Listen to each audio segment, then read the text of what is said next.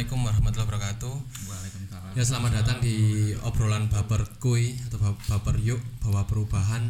Di sini eh, saya Rizky Ramdan, sebelah kiri ada Mas Edo dan sebelah kanan ada Mas Ipul, belakang layar ada Mas Eca selaku tim support kita. Nah kita kali ini mau ngangkat tema entrepreneur versus profesional karir atau karir profesional. Nah di samping kiri maupun kanan saya ini eh, merupakan ini ya pemuda-muda Kota Batu yang di mana sebelah kanan dari profesional karir sisi kanan dari Mas Ipul sebelah kiri adalah entrepreneur serabutan ya serabutan ya biasanya entrepreneur itu luntang lantung nggak jelas istilahnya oke kita eh, berangkat dulu perkenalan mungkin sebelah kanan silakan perkenalan Mas Ipul Halo, perkenalkan eh, nama saya Ipul. Asli Batu juga. Hmm, rumahnya tengan sama Mas Oki sebenarnya. Tinggal ngesot sebenarnya ke sini. Sekarang kerja di Nestle sebagai tim marketing atau brand eksekutif. sebelumnya Sebelumnya di pindah-pindah. Eh, pertama dulu pernah magang di Accenture jadi konsultan terus abis itu pindah ke Traveloka jadi tim marketing juga selama satu tahun setengah habis itu pindah ke Shopee jadi tim marketing juga tapi cuman ya 7 sampai 8 bulanan ya habis itu ya sekarang nih baru pindah ke Nestle oke itu perkenalan dari Mas Ipul. Mungkin alma maternya dulu di mana Mas? Oh dulu kuliah di ITB eh, seba- eh, jurusannya me- eh, SBM ITB di manajemen. School Business and School Management. Of Business Management. Management. Oke, kalau sebelah kiri ini perkenalkan namanya Edo. Perkenalan dulu Mas Edo. oke perkenalkan namanya Alfredo Dilan saya asli Batu. Eh dulu kuliah di Brawijaya Universitas Brawijaya. Jurusannya teknik pengairan. Sekarang coba usaha sendiri gitu Di entrepreneur ya. Entrepreneur ya Ya, Ini teman satu angkatan saya Mas Edo 2010. Wah, ini kita beda angkatan ini. Beda angkatan Mas Ipul selisih sama kita berapa tahun? Lima tahun ya. lima tahun aku 2014 masuk ke lulus 2018 2018. Jadi kita selisih usia berapa ini kisar?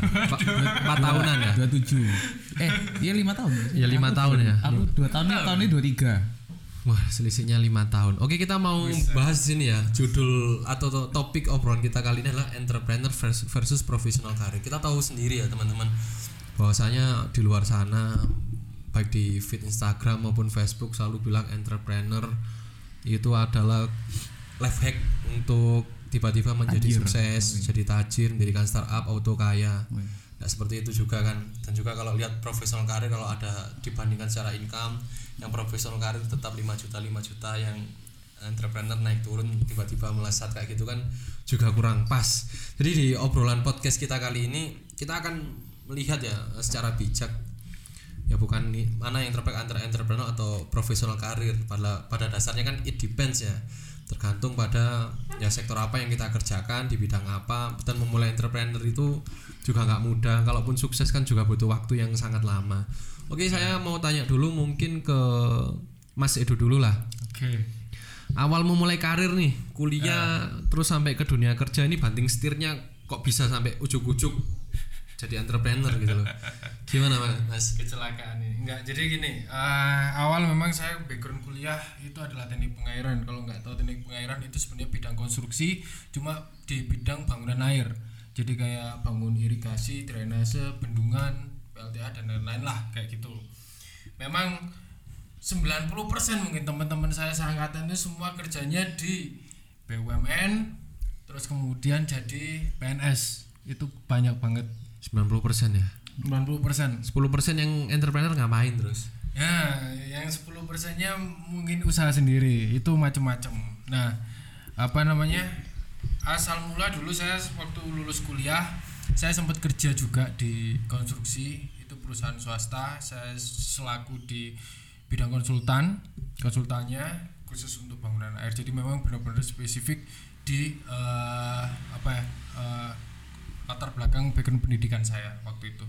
Terus kemudian akhirnya sempat sempat juga jalan sendiri waktu itu di bidang konstruksi sempat jalan cuma ya banyak mafianya kayaknya eh, jalan ini mas oke yang bilang ya Ya, jadi sempat jalan aja. satu dua proyek lah kayak gitu terus akhirnya sempat juga merantau cuma akhirnya saya memutuskan untuk pulang ke daerah ke Batu untuk Nah ke mana sih mas? Kalau ceritanya ke mana-mana ke New Zealand, di New Zealand tuh ngapain aja kok sampai balik ke sini gitu loh? Padahal kan New Zealand kan juga sektor agribisnisnya juga bagus gitu loh. Ya, ya, ya, ya itu gini. eh, New Zealand itu waktu jalan-jalan ke luar negeri ya, aku bilang merantau itu sebagai mencari ilmu yaitu ilmu kehidupan sih aku Dan bilang. mencari jati diri kayaknya. Ya, mungkin bisa berat ya yang ini ya. life journey-nya berat nih Jadi memang kayaknya merantau ini kalau saya pernah merasakan merantau pun ya kayaknya kurang feel juga kok. Enak di rumah aja dekat sama orang tua. enggak enggak justru justru ketika kita merantau terus serang terus serang ketika merantau apa namanya orang bilang wah kalau enggak ini enggak merantau enggak keren lah ibaratnya kayak gitu tapi ketika ini saya pribadi ya saya pribadi merantau itu kalau saya bilang yaitu eh, zona nyaman buat saya Zona nyaman kalau udah kerja di BUMN atau di kementerian mungkin zona nyaman banget. bagi bagi saya loh ya bagi saya mungkin buat orang lain mungkin beda karena tiap orang punya passion dan Budget masing-masing ya. Iya. tapi ketika pulang memang butuh tantangan baru lah gitu itu tantangan baru buat. Oke, jadi tantangannya itu malah di daerah. Kalau Mas Ipul gimana Mas Ipul? Ini kan jebolan ITB nih.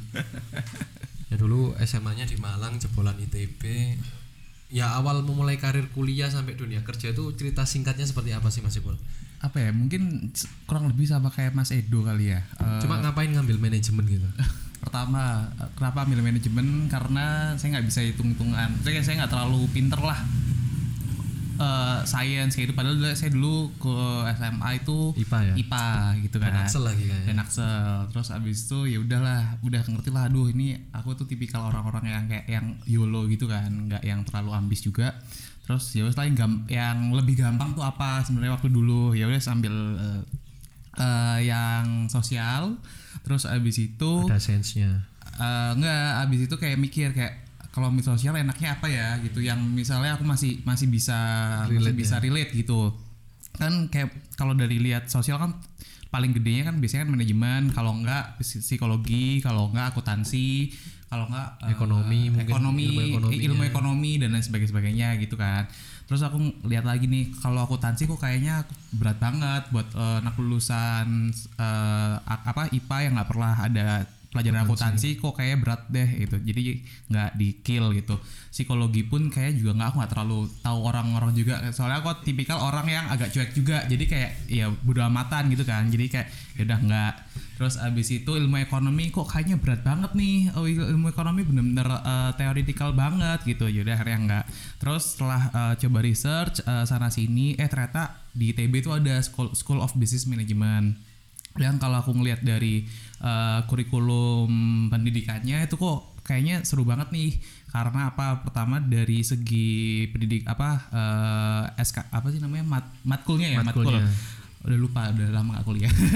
Eh, dari matkulnya tuh nggak terlalu apa ya nggak terlalu textbook banget. Kita terlalu kita tuh banyak banget prakteknya. Kayak kemarin Field tuh project.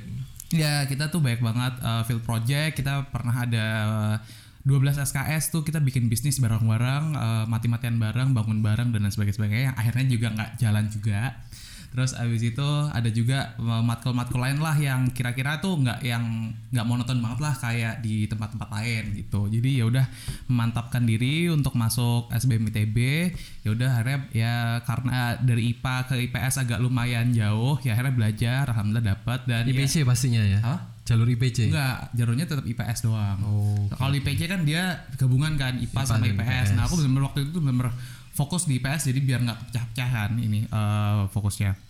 Alhamdulillah keterima, ya sudah eh, dijalani dan lain sebagainya sebagainya. Ya udah akhirnya lulus kan. Lulus tuh sebenarnya kalau ngeliat dari cerita Mas Edo tuh sama persis kayak eh, kebanyakan tuh 90% dari teman-teman angkatanku itu tuh kebanyakan pasti kerja juga meniti karir di perusahaan jadi budak korporat lah gitu Eh, bener-bener dikit banget orang-orang yang eh, entrepreneur tuh meskipun eh, kedoknya kan kita tuh eh, School of Business Management kan bahkan Tapi ujung-ujungnya juga cari kerja toh. ya sebenarnya yang penting kan bisa makan kan Makanya. Kayak apa namanya di, jadi di SBM itu kita tuh ada dua jurusan manajemen sama kewirausahaan. Kalau manajemen tuh yang aku How to operate company mungkin. ya enggak enggak juga. Manajemen tuh kayak eh manajemen tuh yang ya, ya biasa aja lah ya maksudnya kayak dapat cakupannya semuanya. Terus ada juga kewirausahaan yang dia benar uh, full uh, dedicated untuk uh, develop bisnis gitu. Jadi Ya, dia- nanti dirikan startup gitu. ya bisa gitu. Jadi eh, expect out- outcome-nya dari graduates-nya itu dia eh, punya bisnis terus abis itu ya bisa empower lah society kayak gimana gitu. Tapi ternyata juga misalnya kayak ya namanya planning kan juga berbeda ya mas ya. Berbeda, jadi kayak kayak kebanyakan di lulusan-lulusan kewirausahaan pun juga baik juga yang bandeng ser jadi eh, budak korporat. Ya mungkin ada satu lan- dan lain hal jadi ya ya kurang tahu saya gitu.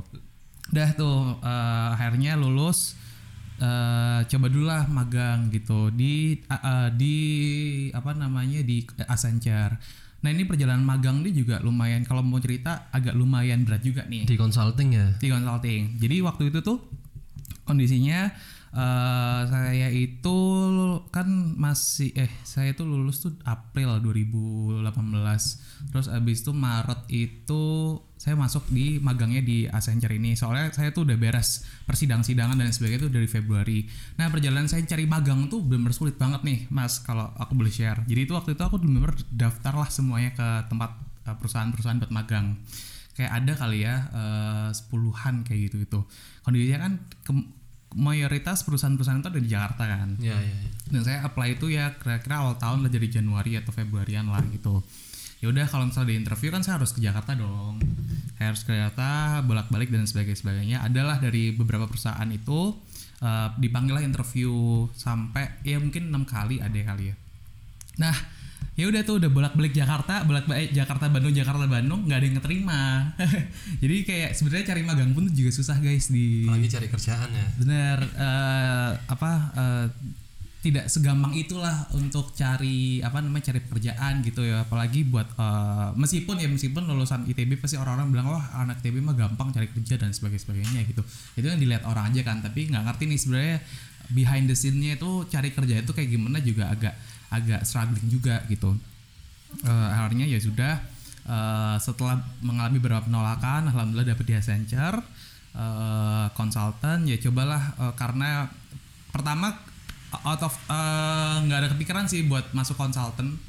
Karena pasti kebayangnya konsultan wah ini gila nih orang-orang masih pinter banget ya ya kayak yang top tier apa namanya eh, graduates yang kayak bener-bener pinter yang IPK-nya 4 lah kayak gitu, gitu terus kayak nggak tahu nih eh, coba dulu ya. Terus ternyata pasti coba nggak betah juga karena karena nggak sesuai kali ya sama passion saya. Kalau misalnya saya boleh cerita saya tuh emang anaknya lebih eh, suka di marketing terus abis itu juga yang lebih santai juga yang tadi aku juga udah pernah share nggak yang terlalu ambisi ngoyo-ngoyo kayak gimana. Ya sudah akhirnya eh, cuman betah tiga bulan magang terus padahal sebenarnya waktu itu ditawarin juga buat lanjut buat jadi full time nya gitu. Tapi ya karena emang nggak nggak nggak nggak passionate jadi ya sudah eh, coba cari di bidang yang lebih eh, disukain itu di marketing ya udah alhamdulillah di saat itu dapatlah tuh setelah magang beres dapat opportunity buat masuk di Traveloka. Di zaman zaman itu Traveloka kan masih apa namanya masih tinggi lah ya masih melambung tinggi lah masih jaya lah ya. Nggak eh, kalau sekarang kan eh, karena ada kondisi sekarang kan agak lumayan turun nih.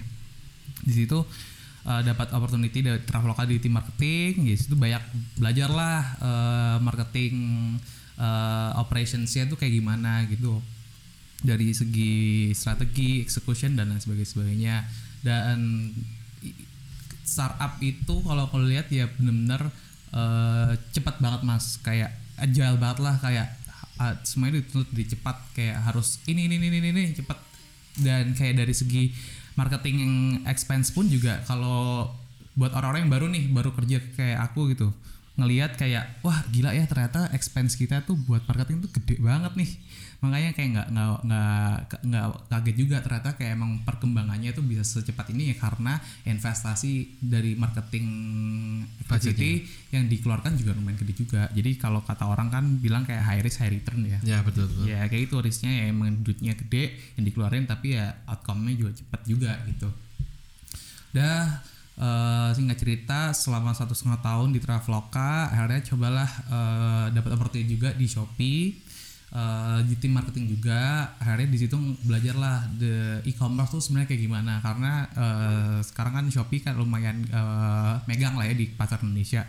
Terus ternyata tau lah oh ternyata e-commerce tuh gini ya eh, sistem kerjanya gitu. Misalnya kayak dari cara marketingnya tuh dia bener-bener eh agile banget lebih agile dari Traveloka karena dia benar-benar benar-benar kayak kalau orang-orang itu kerja lembur bagai kuda ya. Karena benar-benar wah misal campaign baru ada hari ini besok udah harus jalan kayak gitulah ibaratnya. Jadi agak lumayan berat juga kerja di sana.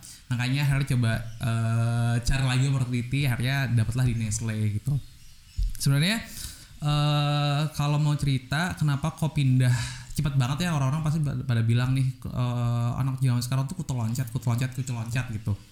Saya akuin ya bener sekali gitu. Saya saya sendiri pun juga kutu loncat dalam waktu 2 tahun pindah beberapa company kan gitu tapi ya itu kadang kala itu ada ada behind the ada reasonnya gitu loh. Kayak dari segi manajemennya terus abis itu dari segi kenyamanannya terus abis itu dari segi apa namanya opportunity-nya yang mungkin di tempat lain di tempat yang sekarang nggak dapat tapi bisa dapetin di tempat lain kayak gitu. Kayak misal sekarang kayak misal kayak saya tuh eh, expect untuk dapetin marketing exposure di FMCG karena saya ngerasa FMCG itu dari segi marketing strateginya itu dia tuh benar-benar eh, holistic gitu loh kalau ngelihatnya gitu. Kayak misal kalau di startup tuh tim marketing tuh udah banyak banget.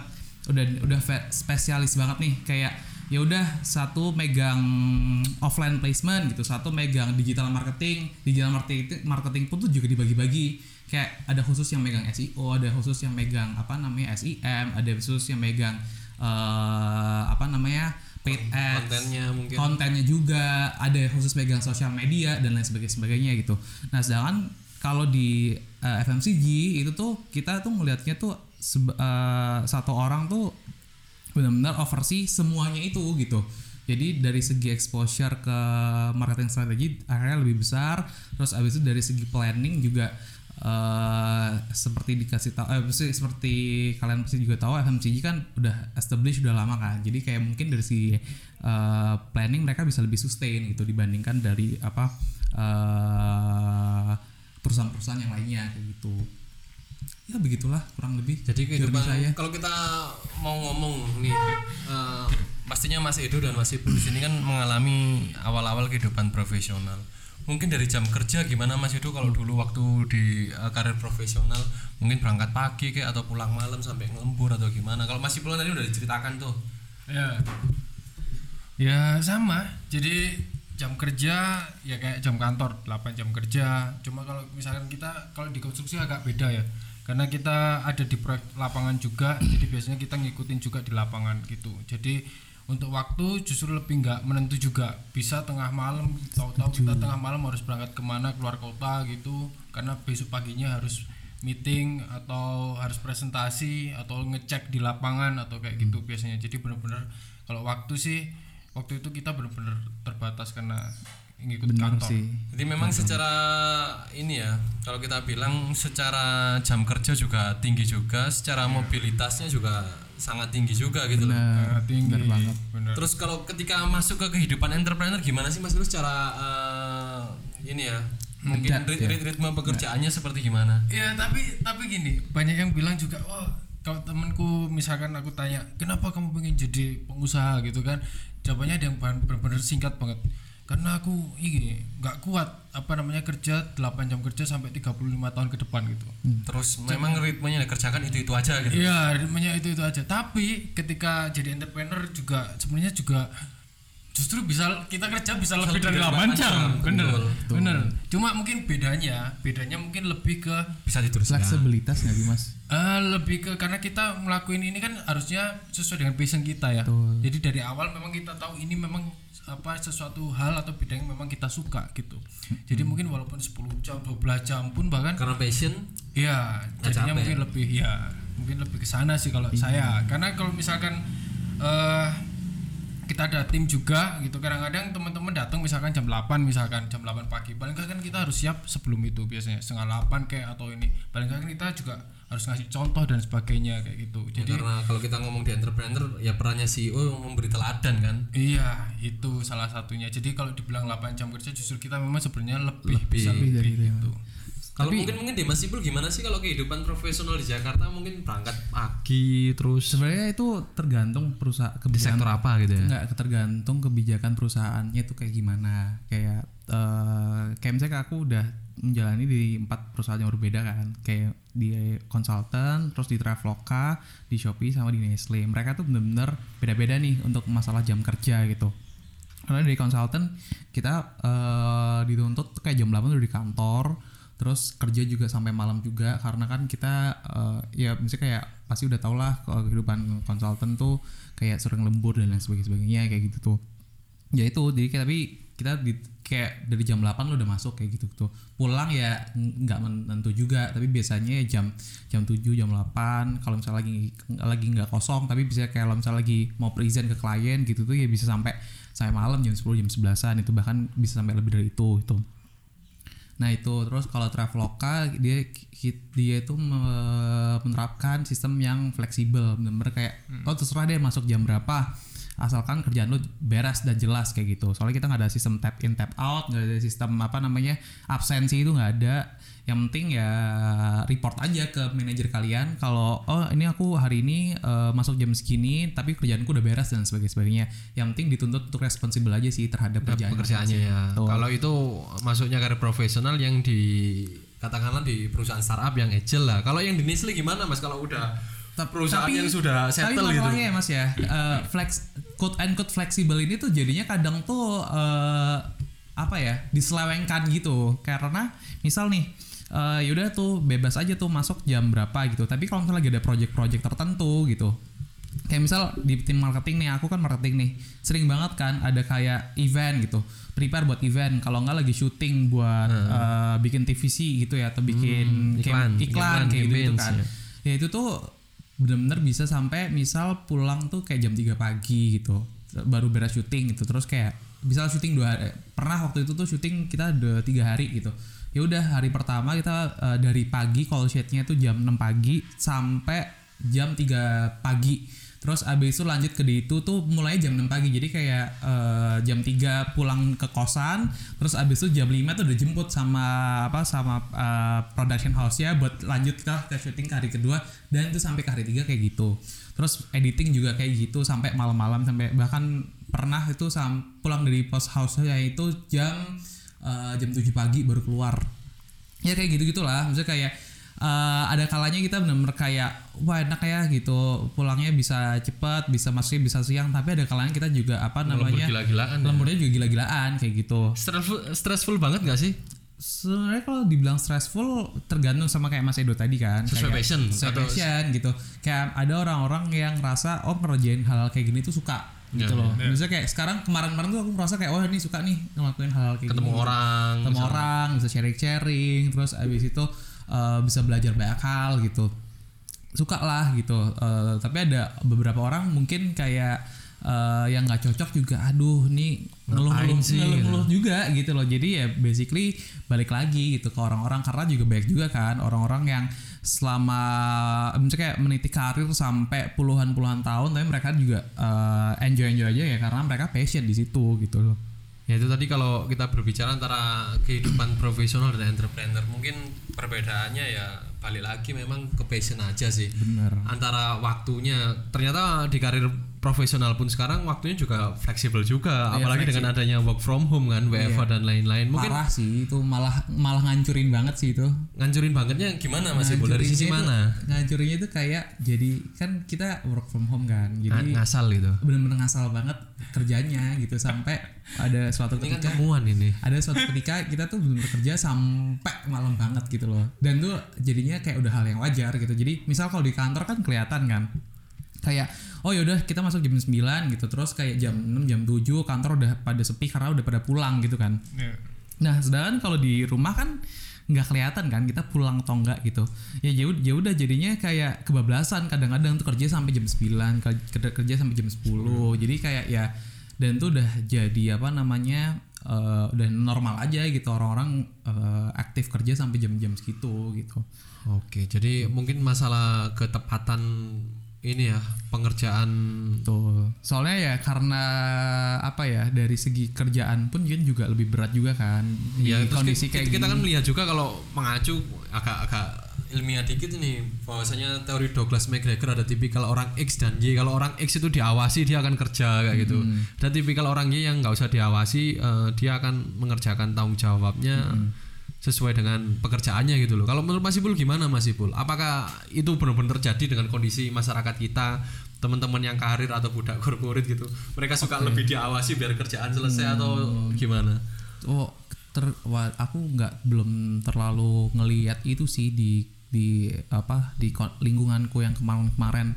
Karena ya selama ini so far ya kita udah di udah kayak otomatis responsibel aja sih Ya, oke. terhadap apa namanya eh, kerjaan dia masing-masing gitu. Ya mungkin dari segi apa namanya manajer atau superior gitu dia lebih ke ngontrolnya lebih kayak eh, update saja gitu. Kira-kira eh, project ini so far udah kayak gimana progresnya gitu. Nggak yang sampai benar-benar di di misal kerja aku manajernya gitu eh, Mas Oki eh, Aku minta reportnya ini ini tuh. nggak nggak ya sampai kayak ayo tak liatin gitu. Kerjanya sekarang gitu. Nggak nggak sampai kayak gitu gitu. Mungkin kayak biasanya pada bilang kayak oh yaudah nanti aku kirim sebelum before lunch atau misalnya kayak before EOD kayak gitu gitu loh. Oke. ya better better komunikasi aja sih sama sama nggak cuma sama manajer tapi mungkin sama cross partner juga. Eh, karena kan pasti kerjanya kan nggak cuman eh, sendiri kan ya itu ya kasih update aja sih sebenarnya Kalau Mas Edo gimana Mas Edo sebagai entrepreneur nih? eh, Oke jamnya di fleksibel, tapi kan punya karyawan juga yang jam kerjanya juga fleks apa bukan fleksibel ya 8 jam kerja gitu loh. Gimana kalau tanggapannya Mas Edo? Eh, tapi gini lihat dari pembicaraan ini tadi ini sebenarnya menjadi PR buat kita sebenarnya yang punya usaha sebenarnya karena dengan apa namanya eh, sistem kerja yang saat ini seperti ini budaya kerja yang saat ini seperti ini itu itu menjadi PR banget buat kita entrepreneur untuk meng-hire orang sebenarnya Apalagi kita di daerah gitu loh. Bener. Masalah SDM menjadi tantangan toh. bener bener banget itu menjadi tantangan nah apa namanya balik lagi ke tadi eh kalau kita memang gini untuk jam kerja itu kita saat ini kayak misalkan di perusahaan kami itu benar-benar menyesuaikan bro sama dengan budaya yang ada di tempat kami kayak misalkan nih kalau di mayoritas di daerah Batu daerah atas itu kan kebanyakan petani. Mereka kerja itu harian biasanya. Harian, oke pekerja harian. ada yang harian gitu. Jadi memang kita benar-benar menyesuaikan. Kalau misalkan orangnya memang dari daerah sana terus kemudian ke pekerjaannya nanti khususnya di produksi yang pekerjaan kasar bisa aja harian. Terus kemudian yang lain. Jadi Apalagi ngikutin. Eh, tantangan fleksibel. kehidupan entrepreneur khususnya di daerah. Nah kan ini juga unik. Kita eh, ada tantangan budaya. Misalnya Bener. Ketika wah ngenjot produksi dan lain tiba-tiba ada tetangga meninggal mau nggak mau kan harus ngelayat tuh. Iya, iya, itu, itu- gimana mas itu kalau kita menyikapi kehidupan entrepreneur kita di daerah kayak gini Iya itu, itu, itu seriusan seriusan terjadi itu seriusan tahlilan lah misalnya Iya, itu seriusan terjadi. Jadi ya gimana lagi gitu. Emang itu adalah budaya yang ada di di daerah kita. Cuma tinggal kita gimana nyiasatinya aja sekarang kayak gitu. Memang kalau misalkan budayanya kalau di sini kan ada yang meninggal gitu, habis itu ngelayat, Iya. ya seharian seharian nggak kerja nggak kerja. Iya, jadi produktivitas turun turun. Ya, ya budaya di sini memang saat ini seperti itu gitu. Ya kita mau nggak mau memang harus menghargai budaya yang ada saat ini kayak gitu. Itu itu sih yang menjadi tantangan. Kalau misalkan ntar ya sambil ngangkat telepon Iya. bentar Monggo. oke Nah, kayak gitu sih. Nah, tapi kalau misalkan sekarang ini juga PR buat kita juga sebenarnya. Karena sekarang itu terus terang memang susah, Bro, untuk mengikat atau meng-hire orang apalagi untuk generasi-generasi yang muda-muda ini. Ya generasi milenial kan ini punya kebiasaan ya jujur aja kurang bagus kayak Iya. Oke kalau eh, lompatan-lompatan karirnya untuk develop diri bagus lah tapi kan ini kita ngomong soal komitmen kerja soal loyalitas terhadap organisasi menurut Mas Ipul gimana Mas?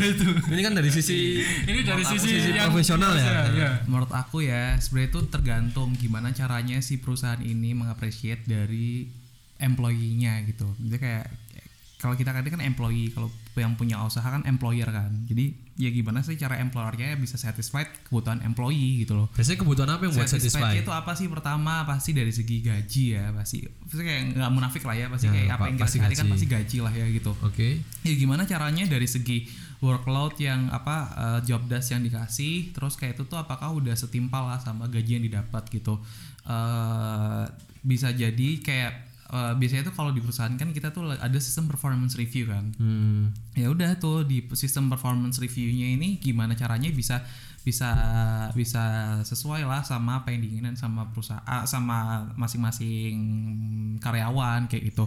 Ya misalnya ya kalau kita udah kerja mati-matian ya mas ya. Misalnya kayak kita udah deliver lah ya yang terbaik buat perusahaan lah ya sampai sampai sampai lembur-lembur sampai ada yang bahkan ada yang masuk rumah sakit kayak banyak kan meme di Instagram atau itu kayak kerja kerja kerja kerja kerja tipes ya, kayak gitu kan. Ya itu kan salah satu hal gimana kayak kita tuh menunjukkan ke oh ya udah kita tuh benar-benar uh, giving our life fully to the company gitu kan. Tapi ya uh, apa yang kita expect ya pertama pasti dari uh, dari reward itu loh. Kayak kalau misalnya udah kerja macam-macam ya ternyata pas performance review kita nggak dinaikin gitu. Ya pasti kecewa kan? Kecewa. Terus kalau nggak dari segi bonusan eh ternyata nggak sesuai sama apa yang kita pengenin apa yang kita pengenin gitu. Ya pasti kecewa kayak gitu.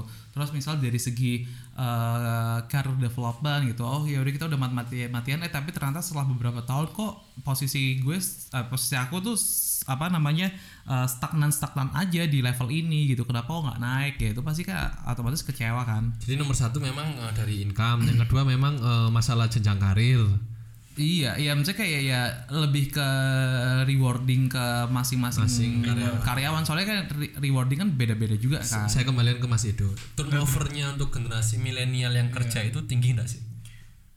ya Berapa bulan eh, mereka bisa bertahan? Kalau untuk kita ngomong di UMKM nih, kalau beda kalau pro, pro- udah udah perusahaan settle ya. ya ah itu tergantung sih ya tergantung juga sih tapi mungkin satu tahun mungkin Satu tahun paling lama.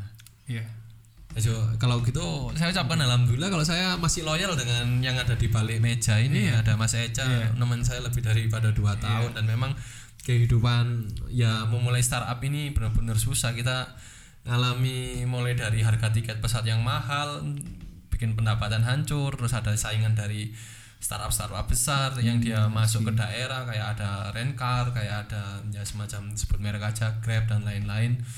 Itu benar-benar mendisrupsi usaha-usaha kita ya. Kita butuhnya sekarang memang loyalitas sih. Kalau menurut Mas Ipul iya. ini kan tadi kita udah udah ngomong ya kenapa yang menjadi faktor-faktor mereka akhirnya jadi kutu loncat? Salah satunya ya itu tadi masalah bagaimana kita menghargai karyawan ya gitu ya sebenarnya kita melihat karyawan tuh sebagai sumber daya atau sebagai aset sih kalau kita melihat dari dua, dua sudut pandang ini kalau menurut Mas Edo dulu deh sebagai entrepreneur Iya. Hmm.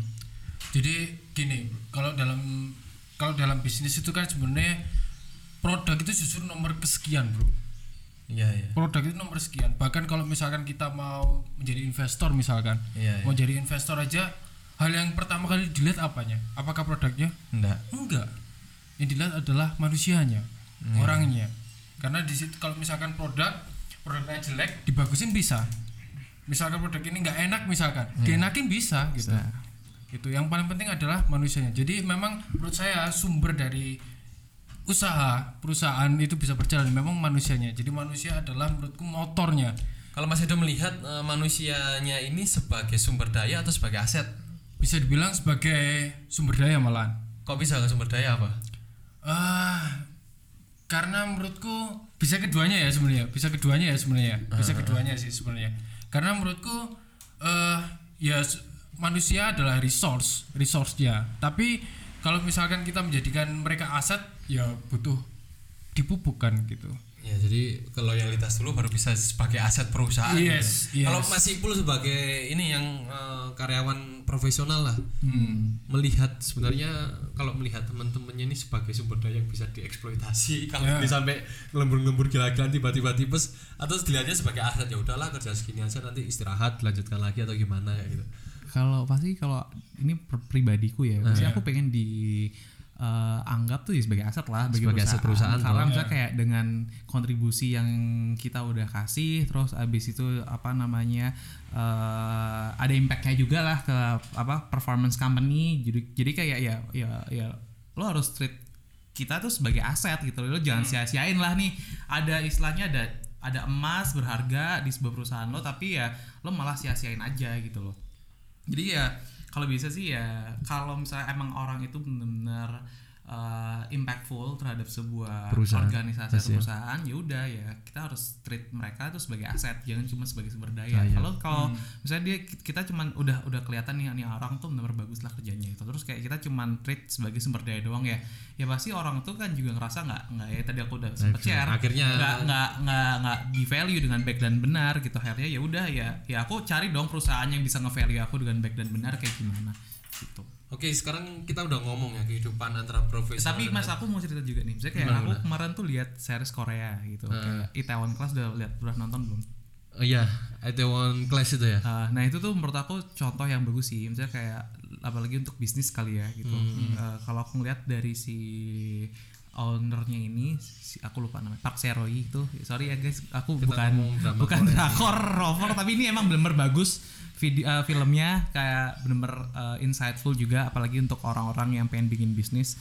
Dia tuh bener-bener invest ke orang. Jadi kayak dia tuh kan growing dari uh, nol kan. Kayak pasti kita bikin bisnis pasti dulu Mas Oki juga Mas Edo kalau bikin bisnis kan dari dari kecil juga kan orang-orangnya dari juga. kecil ya, dari- orang-orangnya dari saya sendiri. orang-orangnya juga ya kecil juga kan kuantitinya gitu ya. Dia bener-bener invest lah tuh ke orang-orang itu gitu. Meskipun dia kerjanya jelek gitu tapi dia udah bener trust ke dia. Iya, dia iya. emang punya meskipun dia, dia kerjanya jelek tapi dia ternyata etikanya tuh bagus, dan sebagainya sebagainya ya udah dia gimana caranya ngebikin orang itu jadi bagus juga gitu loh Mungkin Dan- kalau secara attitude itu ini ya memang bawaan lah ya. Iya. Terus kalau kita ngomong pengembangan skill setiap orang skillnya bisa ditingkatkan kan Mas Iya betul. Jadi ya, ya kalau aku ngeliat dari dia sih belajarnya ya eh, kalau misalnya udah nemu orang yang benar tepat ya mau nggak mau kita harus eh, grow together lah istilahnya. Karya dia Perusahaan tumbuh, karyawannya tumbuh. betul. Oke kita udah tadi ngobrolin kehidupan profesional entrepreneur mungkin yang agak ya. Kita nyontek dulu di sini. Bahwasanya ini buat teman-teman ya biar nggak wow juga gitu loh. Bahwasanya nggak melulu juga yang entrepreneur selalu berhasil income gede dan nggak melulu juga jadi karyawan income-nya kecil. Kita buka-bukaan lah. Oke sa- saya buka-bukaan dulu lah. Ya mungkin dimulai dari saya aja deh sebagai moderator di sini. Mungkin kalau saya mendirikan startup ya mungkin penghasilan tahunan belum bisa sampai menyentuh angka miliaran paling mentok ya. Di angka 200 itu kan untuk di daerah ya kalau dibilang cukup ya masih cukup masih bisa investasi ke ini itu. Cuma kan anggapannya teman-teman kan profesional gaji kayak ya justru kalau di daerah kecil ya masih boleh 3 juta atau 4 juta atau bahkan ya ada yang di bawah itu juga kasihan dengan ijazah S1 sebenarnya kalau kehidupan profesional bisa ngasih berapa nih dua digit dapat nggak sih? Tergantung pasti kalau untuk entry level deh. Ja- jarang banget sih. jarang. Menurut aku tuh tergantung di perus- eh, sektor perusahaannya kayak gimana. mana? Pertama kalau misalnya dia itu kalau misalnya kayak aku lihat-lihat nih ya entry level nih ya kayak eh, fresh graduate. fresh graduate. Aku juga kemarin aku juga fresh graduate kan. Ya aku fresh graduate juga nggak nggak sampai double digit gitu loh. Tapi eh, ada juga di sebuah perusahaan yang eh, let's say konsultan gitu ya ya pasti dia udah pasti udah hit double digit kayak gitu. Atau di perusahaan kayak dia MT gitu MT di FMCG yang ter- yang gede banget itu ya pasti dia udah hampir dua digit bahkan udah hampir kepala dua kayak gitu gitu. Jadi semuanya itu tergantung sama eh, perusahaan masing-masing. Dan di sektor apa yang dan di sektor apa tergantung ya marketnya kayak gimana kan quality yang dicari dari seorang fresh graduate tuh kayak gimana. Tapi kalau aku bisa ambil rata-rata ya rata-ratanya nggak double digit kayak gitu. Ya secara income kita udah udah, udah Ya. buka-bukaan ya. Itu tapi kan Jakarta.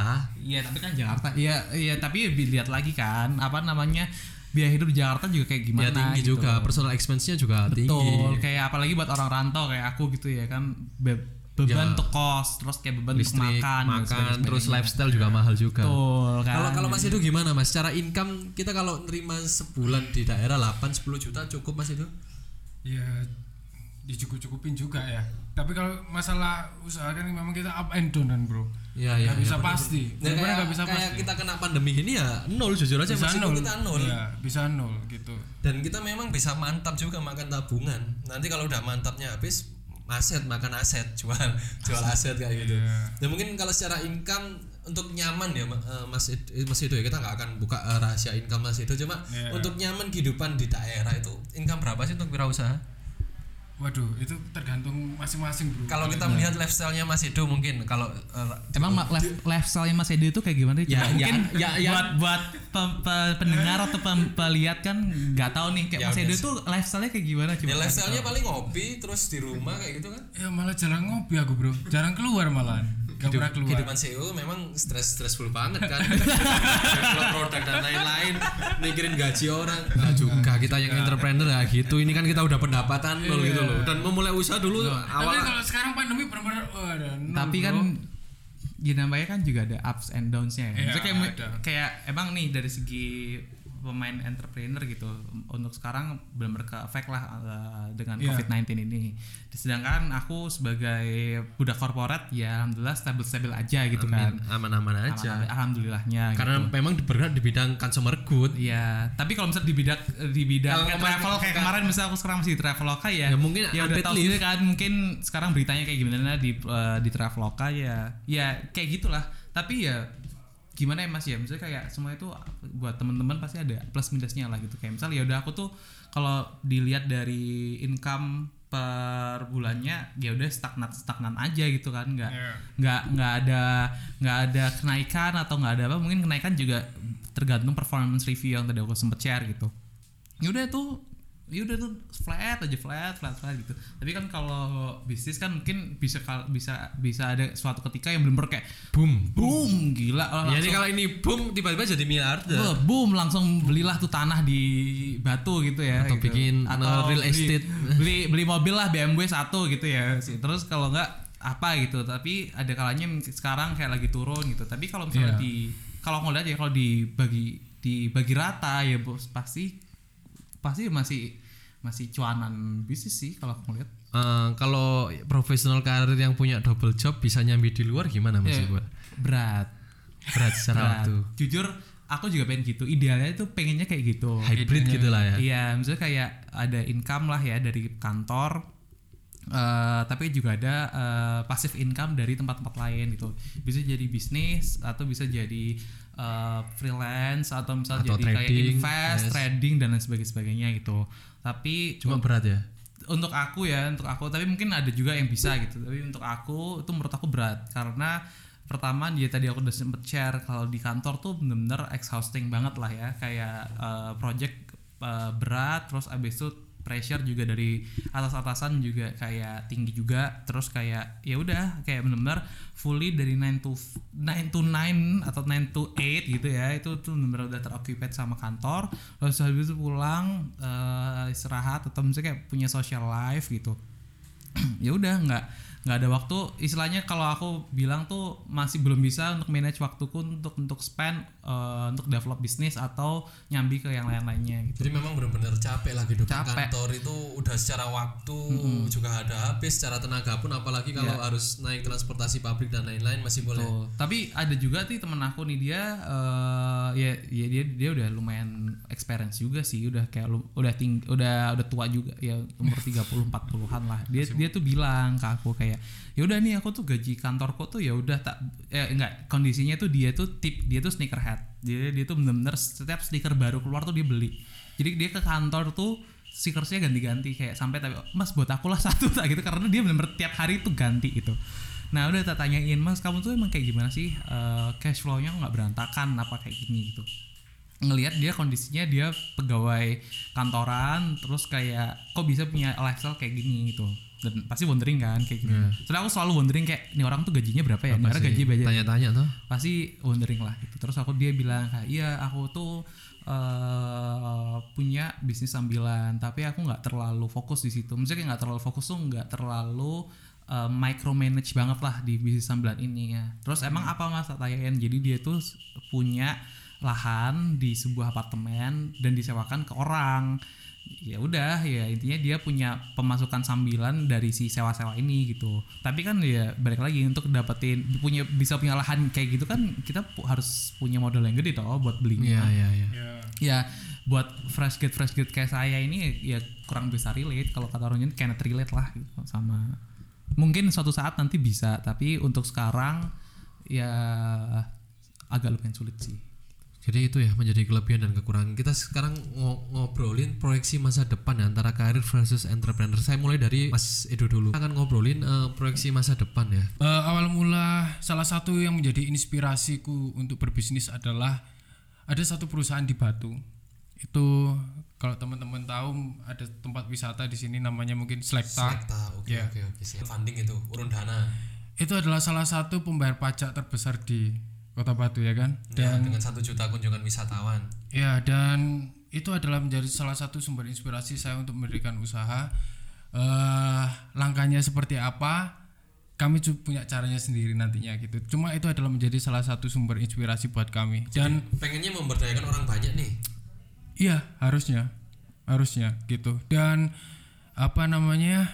eh makanya sesuai dengan namanya juga gitu. Dilan Misindo juga ada artinya itu, ada kepanjangannya.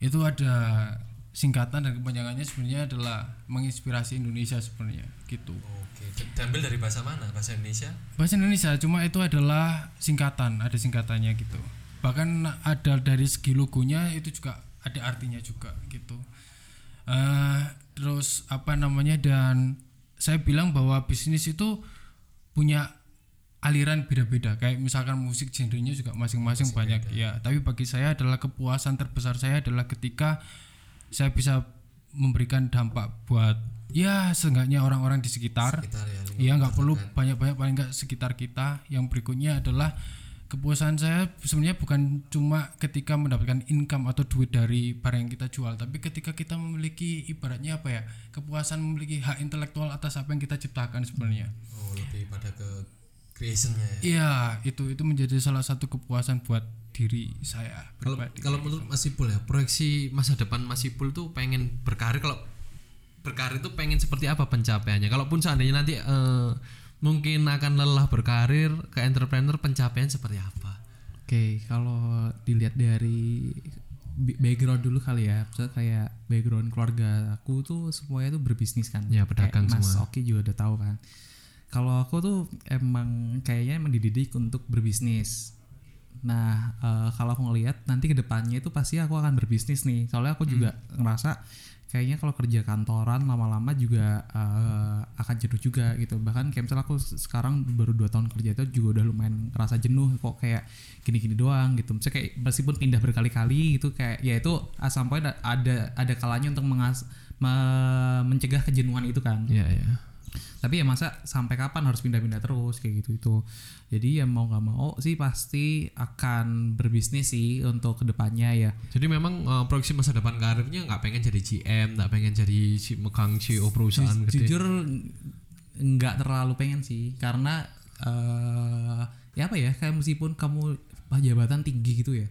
Pasti pertama pressure juga tinggi Semakin juga. tinggi, oke. pressure semakin pressure semakin tinggi. Terus kayak fleksibilitas juga nggak terlalu apa namanya nggak terlalu banyak juga kan. Apalagi misal kayak kamu eh, semakin lama kerja apa, apalagi kayak pasti kamu semakin dewasa juga. Pasti kamu juga akan punya keluarga atau punya dan lain sebagainya sebagainya gitu ini aku Oke, aku mikir mungkin akan ke work life balance. bener akan ke work life balance yang mm, menurut aku aku ini untuk eh, pribadiku ya pribadiku mungkin buat orang-orang lain mungkin ngerasa berbeda itu.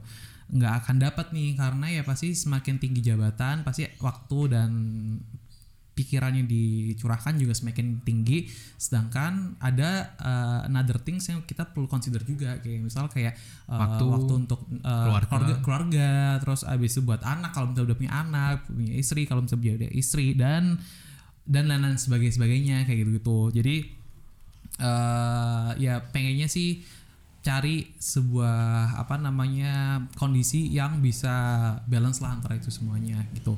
Tapi ya setelah dipikir-pikir juga eh kayak misalnya di kondisi sekarang gitu ya kayak eh, bisnis juga nggak menentu. Iya. pasti kan Iya, ada ada ada peki, ada kepikiran kan dari dari dari dari pribadiku kayak aduh kayaknya apa aku se- nye- apa ngeseriusin nih karir gitu loh. Apakah kayak ya udahlah apa karir karir aja ya gitu. Tapi ya ya masih nggak tahu sih tapi pengennya sih ya lebih Entrepreneur. entrepreneur kayak Mas Oki kalau nggak Mas Edo ini Ya cuma kan kehidupan entrepreneur tadi kan memang pasang surut Kak. Yang menjadi kesalahan kayak saya teman-teman. Eh, saya nggak ada pengalaman karir profesional ujuk-ujuk entrepreneur ini babak belurnya luar biasa lah. Mungkin secara manajemennya, terus secara pengalamannya, secara relationnya babak belur juga gitu loh. Itu iri-irian dikiranya kita yang entrepreneur enak, bahasanya juga enggak, memulai usaha juga nggak gampang gitu gampang dan mendapatkan income apalagi di daerah untuk 5-6 juta itu juga nggak gampang. Kalau ada tawaran yang lebih settle ya kayaknya profesional karir ya ya bisa lah iya. untuk awal gitu. Karena ujuk-ujuk nggak nggak mungkin juga kita eh, jadi entrepreneur kalau nggak ada pengalaman. Karena kita butuh skill ya Mas Ido ya? Iya. kita butuh skill kita butuh ke- ketahanan mental dan dan siap dengan segala konsekuensinya konsekuensi nggak dapat penghasilan atau bahkan sampai telat nikah mungkin karena kita iya Ini Nah, dari- tang- tanggung jawabnya mungkin kalau dari Mas Edo gimana Mas? keras Dikit aja mungkin. Ya kalau kita secara kesiapan mental itulah mungkin pesannya Iya. itu. bener sih ya pasti Mungkin- semuanya nggak sih Mas mental Ya harus mental. Iya, lah, mental. tapi bisnis tuh harus lebih mungkin lebih yang di sesi yang akan datang uh, saya pengen bahas ya antara korelasinya antara entrepreneur dan ini ya susah dapat jodoh kalau kita masih kerja. waduh ini biar obrolannya makin baper. Oke teman-teman terima kasih untuk kehadiran di sini Mas Ipul, Mas Edo. Ya semoga kita nanti bisa berkolaborasi bersama, bisa bikin webinar lah ya minimal nanti kalau udah balik ke Jakarta atau dari Mas Edo juga nanti bisa support pengalamannya memulai wirausaha. Semoga kita bisa berkolaborasi terbaik ya dari dari desa untuk Indonesia. Terima kasih. Assalamualaikum warahmatullahi wabarakatuh.